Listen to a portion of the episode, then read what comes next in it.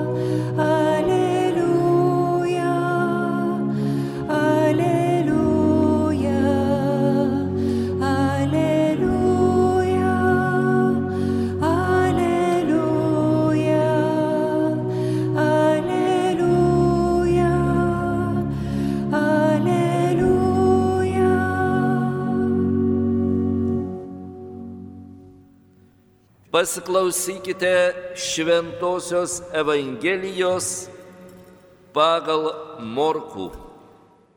Anu metu Jėzus pasakė savo mokiniams, žiūrėkite, būdėkite, nes nežinote, kada ateis tas laikas, bus kaip su žmogumi, kuris iškeliavo svetur, paliko namus ir davė tarnams įgaliojimus, kiekvienam paskyręs darbą, o durininkui įsakė būdėti.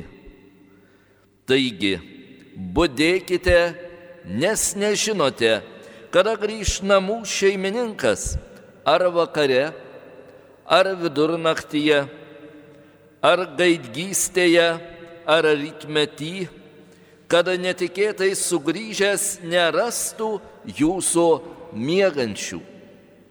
Ką sakau jums? Ir visiems sakau, būdėkite. Ir dėjate viešpaties žodį. Taigi, įžengėme į Advento metą Ir adventas reiškia ateimą.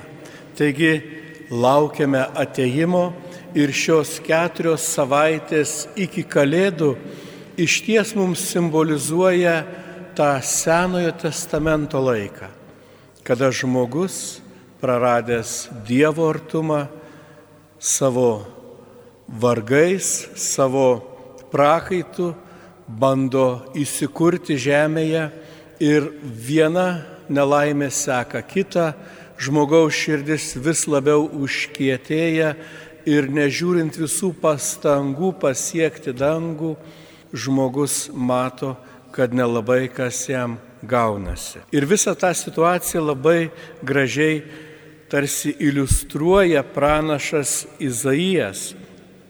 Jis palygina tą mūsų gyvenimą su rūbu, rūbų, kuris tampa škudurais, tampa tiesiog niekam tikusių aprėdų. Jisai sako, visi mes lyg nevalos tapome, visas mūsų teisumas lyg suterštas škurlis. Taigi tas žmogaus teisumas, tas rūbas, kuriuo bandome prisidengti, jis jau nebespindi baltumu ir nežiūrint, kiek kartų buvo bandyta skalbti, jis jau visiškai suskretęs ir tarsi net prišutęs prie mūsų kūno. Ir kuomet kreipiasi į Dievą, Izaijas sako, kad tu perplėštum dangų ir žemę nužengtum. Taigi, kad perplėštum ir tą mūsų rūbą, kad mus nuplautum ir iš tiesų kiekvienas iš mūsų krikšto vandenyje panardinti esame viešpaties nuplaunami ir aprengiami nauju Jėzaus teisumo drabužiu, aprengiami šventumu. Taigi, kuomet švenčiame ateimą, visų pirma, aišku, prisimename tą prieš du tūkstančius metų Jėzaus ateimą į žemę, kada Dievas tarsi perplėšia tą dangų ir nužengia į mūsų kasdienybę, nužengia į tą varganą būti ir viskuo išskyrus nuodėmę į mus panašus tampa. Ir apmastydamas kryžiaus kelio stotis, kažkaip pagalvojau, kad netgi tenais Jėzus prisiema visą, visą tai, ką žmogus apturėjo. Pasmerkiamas mirti, kaip ir žmogus, praradęs Dievo artumą, tampa mirtingas, neša kryžių, kaip ir žmogus, kuris savo prakaitų turi pelnytis duoną, patiria ir gailestingumo malonių, taip kaip ir žmogaus širdise dar rusena ta artimo meilė.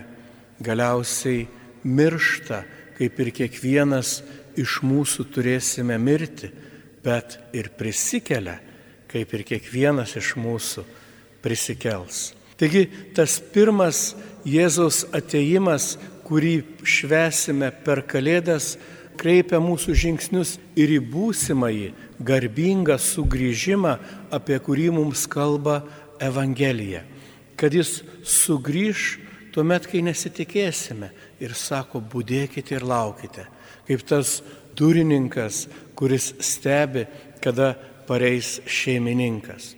Ir kalbant apie stovinti prie durų, kažkaip netyčia nukrypo mintis į mokyklos laikus. Kiekvienas iš jūsų esate išgyvenę tuos momentus, kada mokytoja palikdavo klasę. Ar prisimenat, pradžioj taip visi susižvalgo, paskui prasideda didelis triukšmas, kažkas pradeda mėtyti kažkokius popierius, kažkas tampyti kažką už rankovės, berniukai mergaitės už kasų, galiausiai tam įsisiautėjime sako, pastatykim vieną prie durų, kad stebėtų, kada tas mokytojas ateis. Ir jeigu mokytojas ilgesnį laiką negrįžta, netgi tame siautulie kažkaip visi pradeda jaustis nepatogiai, kažkaip nu, norisi tos ramybės. Ir tie, kurie galbūt kažkaip uolesni, pribėga jau nuvalo talentą, kur buvom pripaišę, visko prirašę, dar kažką ir po truputį tą klasę rimsta, rimsta ir mokytojas sugrįžta ir atrodo, kad nieko nebuvo. Tai aš galvoju panašiai ir su Kristaus išeimu pas tėvą ir sakymą, sugrįšiu pas jūs, mes irgi kartais taip įsisiautėjam, paskui matom, kad per daug, vėl nurimstam ir vėl ateina kažkoks situlys į širdį. Tai advento metas yra tas metas, kada pažvelgtume į savo gyvenimus ir sakytume, pala, pala, gal šiek tiek mes čia per daug įsismarkavome, kad iš naujo atrastume tą kryptį link viešpaties, nes jis vieną dieną sugrįž sugrįž ir pasižiūrės, ką mes gero nuveikėm. Dar daugiau, kada kalbam apie buvusį ateimą ir būsimojo laukiam, turime neužmiršti, kad yra ir tas trečiasis ateimas, kuris vyksta kasdien. Kasdien į mūsų gyvenimus viešpats ateina. Ateina, kai atsiverčiame šventojo rašto puslapius ir skaitome Dievo žodį. Per tą žodį ateina į mūsų gyvenimus ypatingų būdų nužengiant mūsų altorių, kada švenčiame mišes, ateina regimų pavydalu, ateina duonos, vyno pavydalu, tam, kad prisiliestų prie mūsų gyvenimų. Bet ateina ir kartais nepastebimais būdais per žmonės, kurie mus supa, per jų darbus, per jų meilę, per jų patarnavimą mums. Aišku, visų pirma, matome tuos, kurie yra šalia mūsų, mūsų šeimos narius, kaip tuos, kurie dirba kartu su mumis, kaimynus. Bet yra daugybė būdų, kaip Dievo meilė ir gerumas mus pasiekia net iš toli ir mes kartais net nesusimastome. Štai rytą išsiverdi kavos podelį. Kiek žmonių turėjo darbuotis, kad ta kava pasiektų mano namus. Galbūt kai kurie iš jų buvo ir nuskriausti tam darbo procese, galbūt buvo išnaudoti. Ar aš prisimenu juos savo maldose? Ar pavedu juos Dievui? Galų gale netgi ir tuos artimuosius. Ar melžiuosi už savo kaimynus, už savo tėvus, už savo vaikus, už tuos man brangius žmonės, per kuriuos Dievo malonė ir gailestingumas pasiekia mane ir per kuriuos aš galiu parodyti savo meilę Dievui, mylėdamas savo brolį, savo sesę, savo artimai. Ir kiekvienas tikrai galime kits kitą apdovanoti, kaip gražiai paštalas Paulius sako, jums nestinga jokios dovanos. Dievas suteikia jums savoją malonę. Praturtėjote visų kuo, visokių Dievo žodžių ir pažinimu. Ir Kristaus liūdimas jūsų tarpe tapo tvirtas. Taigi iš tiesų tegul tas Dievo liūdimas tampa jumise tvirtas, kad kiekvienas jūsų žodis jūs sustiprintų, o artima pradžiugintų. Teko skaityti šventajame rašte tokius žodžius, kur sako, turėsite atsakyti už kiekvieną ištartą žodį. Bet jeigu įsigilini, tai graikiškame tekste ten sakoma, turėsite atsakyti už kiekvieną be jėgos ištartą žodį. Taigi mes, kurie esame sutvirtinti šventąją dvasę, turime kalbėti su Dievo jėga. Prisiminkime, kaip žmonės susirinkę aplink Jėzų, stebėdamasi sakė, jis kalba kitaip negu rašto aiškintojai, jis kalba su jėga. Tai jūs, Dievo numylėtiniai, tikintieji, irgi kalbėkite su Dievo jėga. Ir tai įmanoma tik tada, jeigu stovėsite tiesoje, jeigu jūsų širdis bus pripildytos meilės, ir troškimo vienas kitam pasitarnauti. Tad šis advento metas te būna laikas, kada iš naujo atrasime savo krikščioniškas šaknis, kada iš naujo atrasime šalia esančių žmonės, kada atnaujinsime savo meilę jiems. Galiausiai, kada iš naujo atrasime taiką ir ramybę. Visų pirma savo širdyse paskui paskleisdami ją savo šeimose, galiausiai patirdami taiką tarp žemės ir dangaus, tarp žmogaus ir Dievo. Tad tegul šis adventas būna pripildytas ramaus ir džiugaus bei viltingo viešpaties laukimo, kad atėjęs jis užgimtų ne tik prakartėlėse, bet ir mūsų širdyse.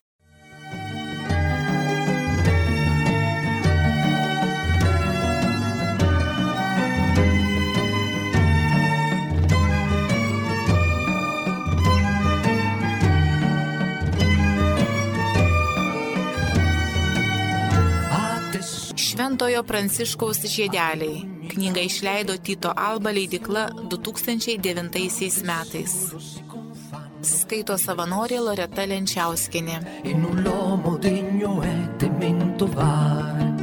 Si laudato mio Signore con le tue creature, specialmente frate sole la sua luce, tu ci illumini di lui, altissimo Signore porta il segno. Apdovanotas amžinuoju žavesiu.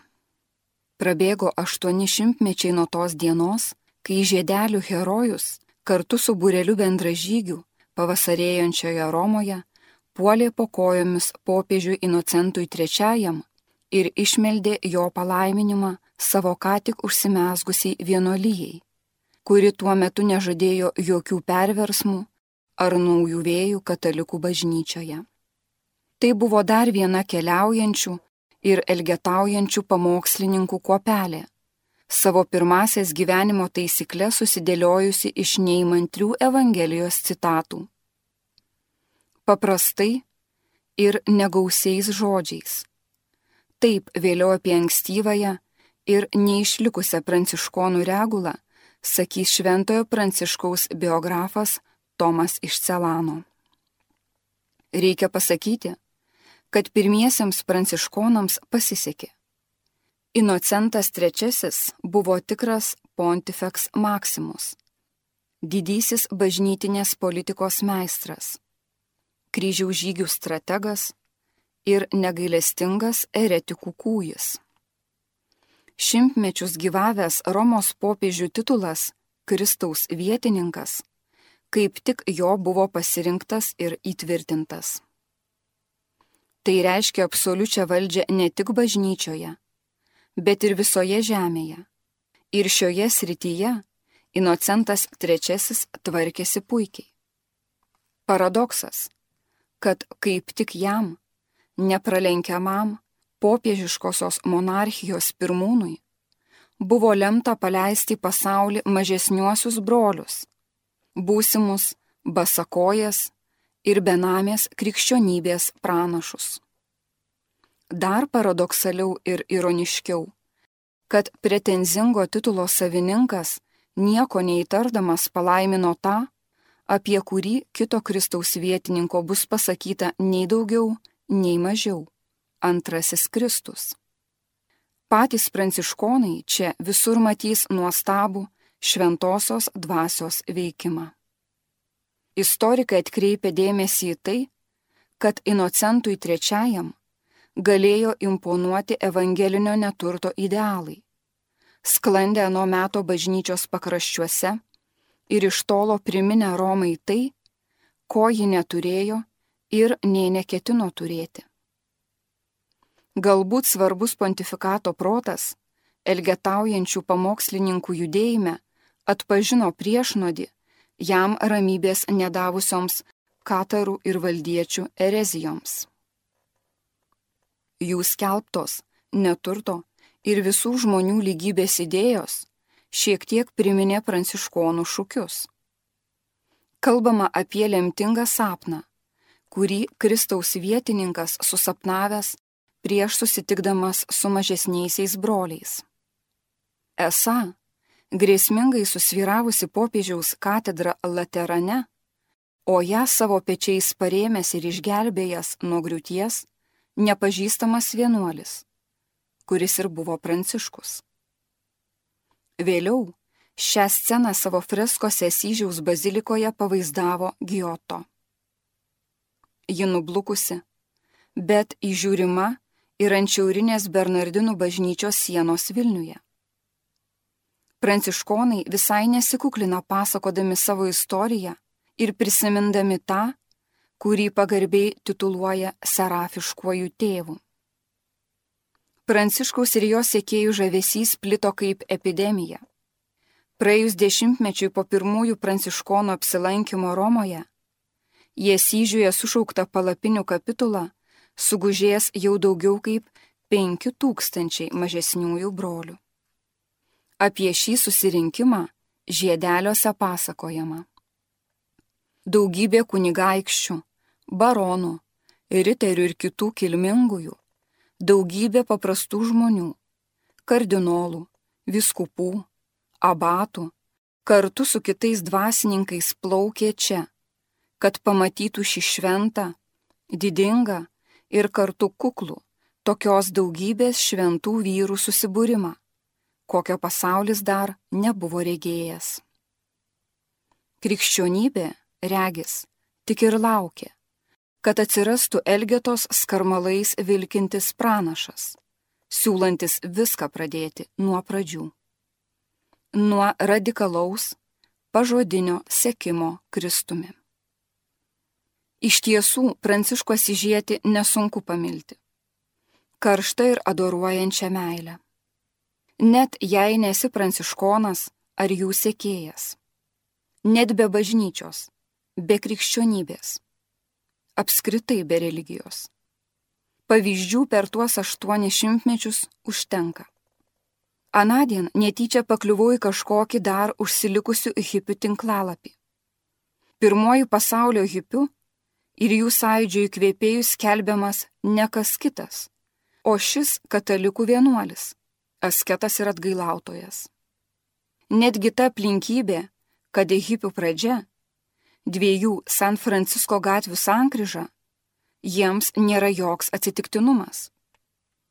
O kur dar meilės ir brolybės apoteozė, pagaliau jų pamėgti gėlėti marškiniai ar ramunės žiedas už ausies. Tolimi mūsiškių žiedelių vaisiai? Taip, Šventojo Pranciškaus iš Zefirelio filmo Sesė Saulė, brolis Minulis puikiausiai tiktų į draugiją mano paauglystės dienų hipiautojams, mėgusiems sėdėti ant akmenų šalia katedros. Bet tai tik juokai. Pranciškaus Asižiečio neplinkė nei dieviškoji komedija. Dantė, beje, palaidotas su pranciškonų ašutine. Nei Faustas, nei Šekspyras. Įspūdinga Pranciškaus Asižiečio portretų galerija pradedant garsiausių Renesanso meistrų kūriniais. Į platų jo glėbi puolė XIX amžiaus romantizmas ir sentimentalumo pritvinkę karalienės Viktorijos laikų salonai, kuriuose radosi pirmasis žiedelių vertimas į anglų kalbą. Bet nenusileido ir tokie ryškus intelektualai, kaip antai Džonas Ruskinas, Ernestas Renanas ar Hermanas Hesse. Kažin ar ne viešnagė Syžiuje, Ruskinui bus padiktavusi garsėje jo sentenciją. Turime ieškoti ne to, kas mus skiria nuo kitų žmonių, o to, ką turime su jais bendra. Skamba labai pranciškoniškai.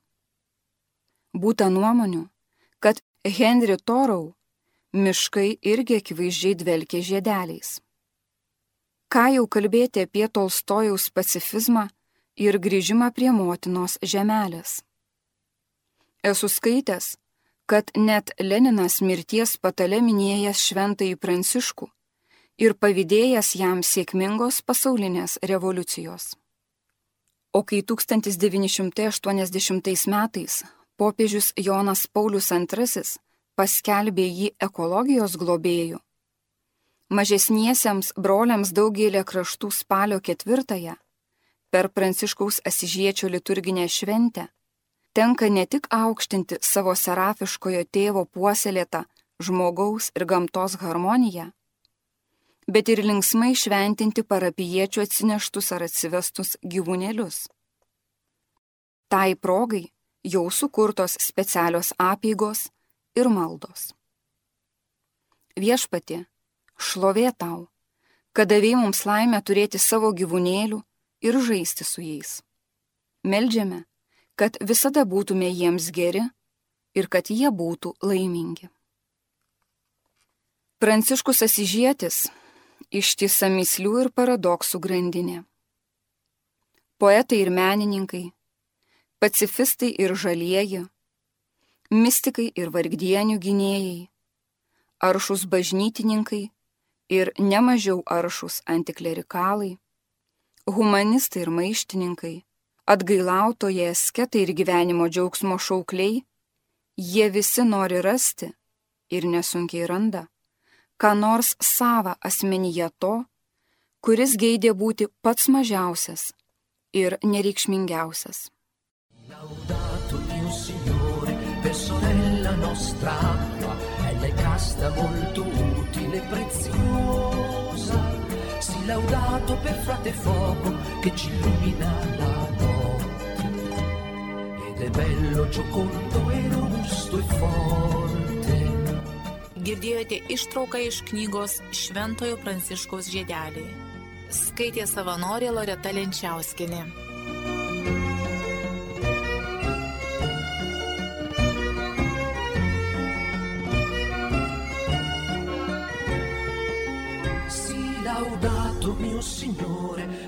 Nostra madre terra, è che ci sostenta e ci governa. Sii laudato mio Signore, vari frutti lei produce, molti fiori colori.